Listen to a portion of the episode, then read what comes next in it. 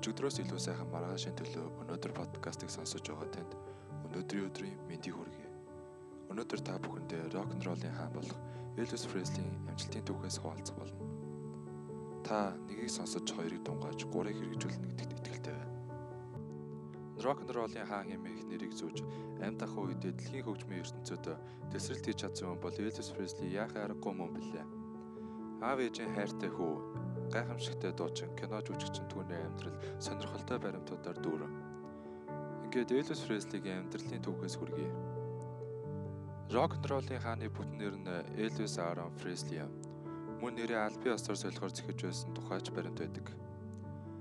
Presley эхрийн өрөөс нь ч нөгөө эхрэн төрөх үедээ энсэн юм. Elvis хүүхэд байхасаа сүмд явж найрал донд дуулдаг байжээ. Элвисийн анхны гитарыг авг ахын төрсөн өдрөөр нь бэлгэлж байжээ. Үүний өмнөхөн ирээдүйн хаан үзэсгэлэн худалдаан дээр ардын дууны уралдаанд Old Ship дуугаар оролцсон шагналд хүртжээ. Сургуулаа төгссөний дараа Элвис Пресли хог ачигчаар дараа нь жолоочоор 7 хоногийн 45 долларын хөлстэйгээр ажиллаж байсан гэдэг. Тэрээр 18 наснда ээжийнхээ төрсөн өдрөөр өөрийн дуусан дуутай хурцгийг бэлгэлгээр шийджээ. Ингээд Элвис My Happiness That's Me Your Heart's Begging дуунуудыг 4 доллараар бичүүлж байв.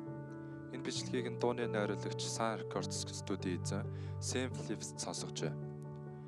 Phillips нэс нөхөдөө хэрэг би өнгөт арьстан шиг дуулдаг, цагаан арьстай олдог бол сая саяг болохгүй юу? Химэн ярддаг нэгэн байв. Ийхүү тэрээр Presley-гийн дуулахыг сонсоод хайж байсан хүн мөн гэдгийг ойлгосон.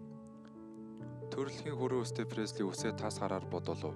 Энд тухайн үеийн од Тони Керцийг дуурайсан хэрэг биш байлаа. Харин өнгөт дэлгэцээр ийм ус цэнхэр нүдтэй гайхалтай уусан зөгцөж байсан болохоор тэргэн. Тэгэж эрт бууралтаж ихэлсэн байсан тул бодох шаардлагач урган гарсан лавтай биз. Түүнээс гадна 50 онд Элвис үсээ улаанаар будаж байсан удаатай байна. Элвис Преслигийн Сан Кортс студид бичүүлсэн анхны дуу Rhythm and Blues дуучин Артур Градафи 1954 онд гаргасан That's All Right Mama дууны хурдан хувилбар байлаа. Энэ бичлэгээс хойш 2 жилийн дараа Сан Рекордст тухайн үед л дуулдаж байгаагүй их мөнгө буюу 35 мянган долларыг гэрээгээ дуусгасны төлбөрөөр болгоо өгч RCA студидтэй хамтрахаар болжээ. Тухайн үедээ 7 кантри дуучны менежер байсан хурандаа хочид Том Паркертэй хамтран ажиллагаар эхэлжээ.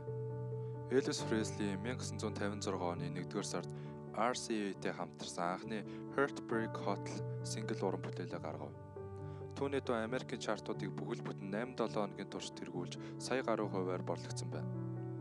Тэрээр анхныхаа зураг авалтыг 1956 оны 8-р сарын 22-нд 20-р зуун Fox студид дээр Love Me Tender нэртэй киногоор эхэлсэн бөгөөд анх актер Рено хэмээх албархуу нэртэй байсан гэдэг Гэвч дараа нь Элвисийн алдартай дуугаар нэрсэн нь байлаа. Карьерийнхаа эхэнд Элвис Пресли хэрв зохиол нь таалагдах юм бол сайн жүжигчин болох зорилготой байгаагаа мэдэгджээ. Тэр кинонд маш дуртай. Заримдаа нэг бос удаа кино театр төрөөслөн бүхэл шүнжэнгөө кино үздэг байв. Тэрээр нийт 29 кинонд тоглосон карьераа эхэлсэн үеэс тооцоход жилд дунджаар 3 кино гэсэн үг бөгөөд зураг авалтанд доод талдаа 5-7 хоног үргэлжилдэг байжээ. 1958 оны 3 дугаар сарын 24-нд 23 настай Элвис Пресли Америкийн нэгдсэн улсын цэргийн албанд татсан мэдгдэл хүлээн авчээ. Энэ мэдээ улс орон даяар эсэргүүцэлтэй тулгарч залуу Элвисийг цэргийн албанаас чөлөөлж өгөхийг шаардсан байна. Гэвч тэр Форт Хууд хэмээх газар цэргийн алба хаав. Пресли айрамд 2 жилийг өнгөрүүлжээ. Цэргээс халагдсны дараа тэрээр Элвис эрхийн ирлээ дисгээ гаргаж байсан юм байна. Шоронгийн рок буюу Jailhouse Rock киноны зураг авалтын үеэр цэрээр шүднийхээ шаадсан суулгацыг залхижчихжээ.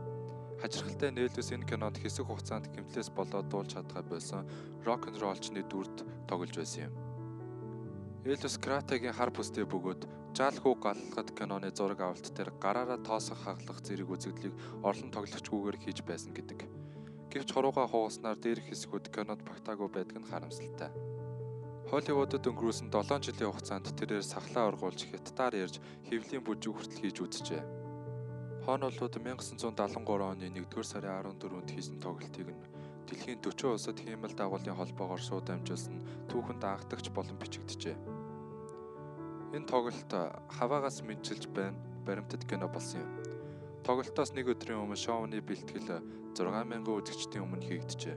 Учир нь Элвис олонний өмнөд бэлтгэлийг хийхэд тулд тэднийг танхимд оруулахыг хүссэн гэдэг. Подкастын маань 3 дахь дугаар инхүү дуусж байна. Та бүхэн завтай хүмүүсийн муулгыг сонсон завгүй өдрүүдийг өнгөрүүлээрэй. Ингээд миний fighting гэх уран бүтээлийг хүлээн авна.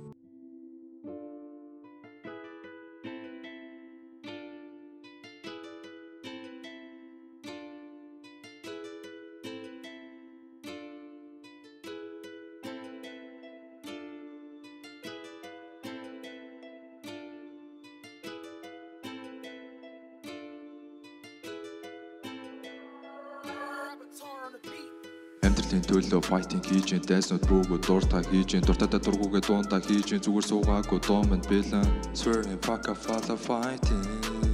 People are will be pick up your future. Яснуудыг төвөн бодол минь нүүмэн зүдэндээ амьдрын төсөөлийн бос. Зүрхэндээ сонсоод үг юм чэжил гол нь to the sun All the name is coming of my future. Тэдний үзэх зүйл нь миний төгтөд Би нэгэн хүн босыг үүсгэн? Хүмүүс хүмүүсээ үзэн ядан зэвсэггүй дайны талбар. Эвсэгэн цөөхөн гэдгэн. Тарихны чадлаар дайраад дайраад Бостаас бишээ өөрөөсөө хайгаад хайгаад Өсийгүү хүмүүс өнтөх шиг хэлэл зан Өнөөдөр дуусахгүй маргааштай уралд нь өчигдөр дуусахгүй алдах зүйлс их байна. Маргааш шиг харин нэрэдүгээс ирэх зүйлсээ Өөртөө бүтэн үлийн үрээр Өөрийн бодол өөртөө зөө Төлийн үнэн. Хөрчлөлтийг одооноос эхэл Хурдан хурдан хөөд хөтөл өрөлдөө өөртөө double fighting. 24 цаг мэн so many fighting. Өдөр ч онцрохгүй өөртөө дайдан шүүн ч онцохгүй босоо fighting. Чиний бодлын цаатлын цаан даал дуухамсар чинь миний даалд гашиг дүрэлзэн залуунаа so high.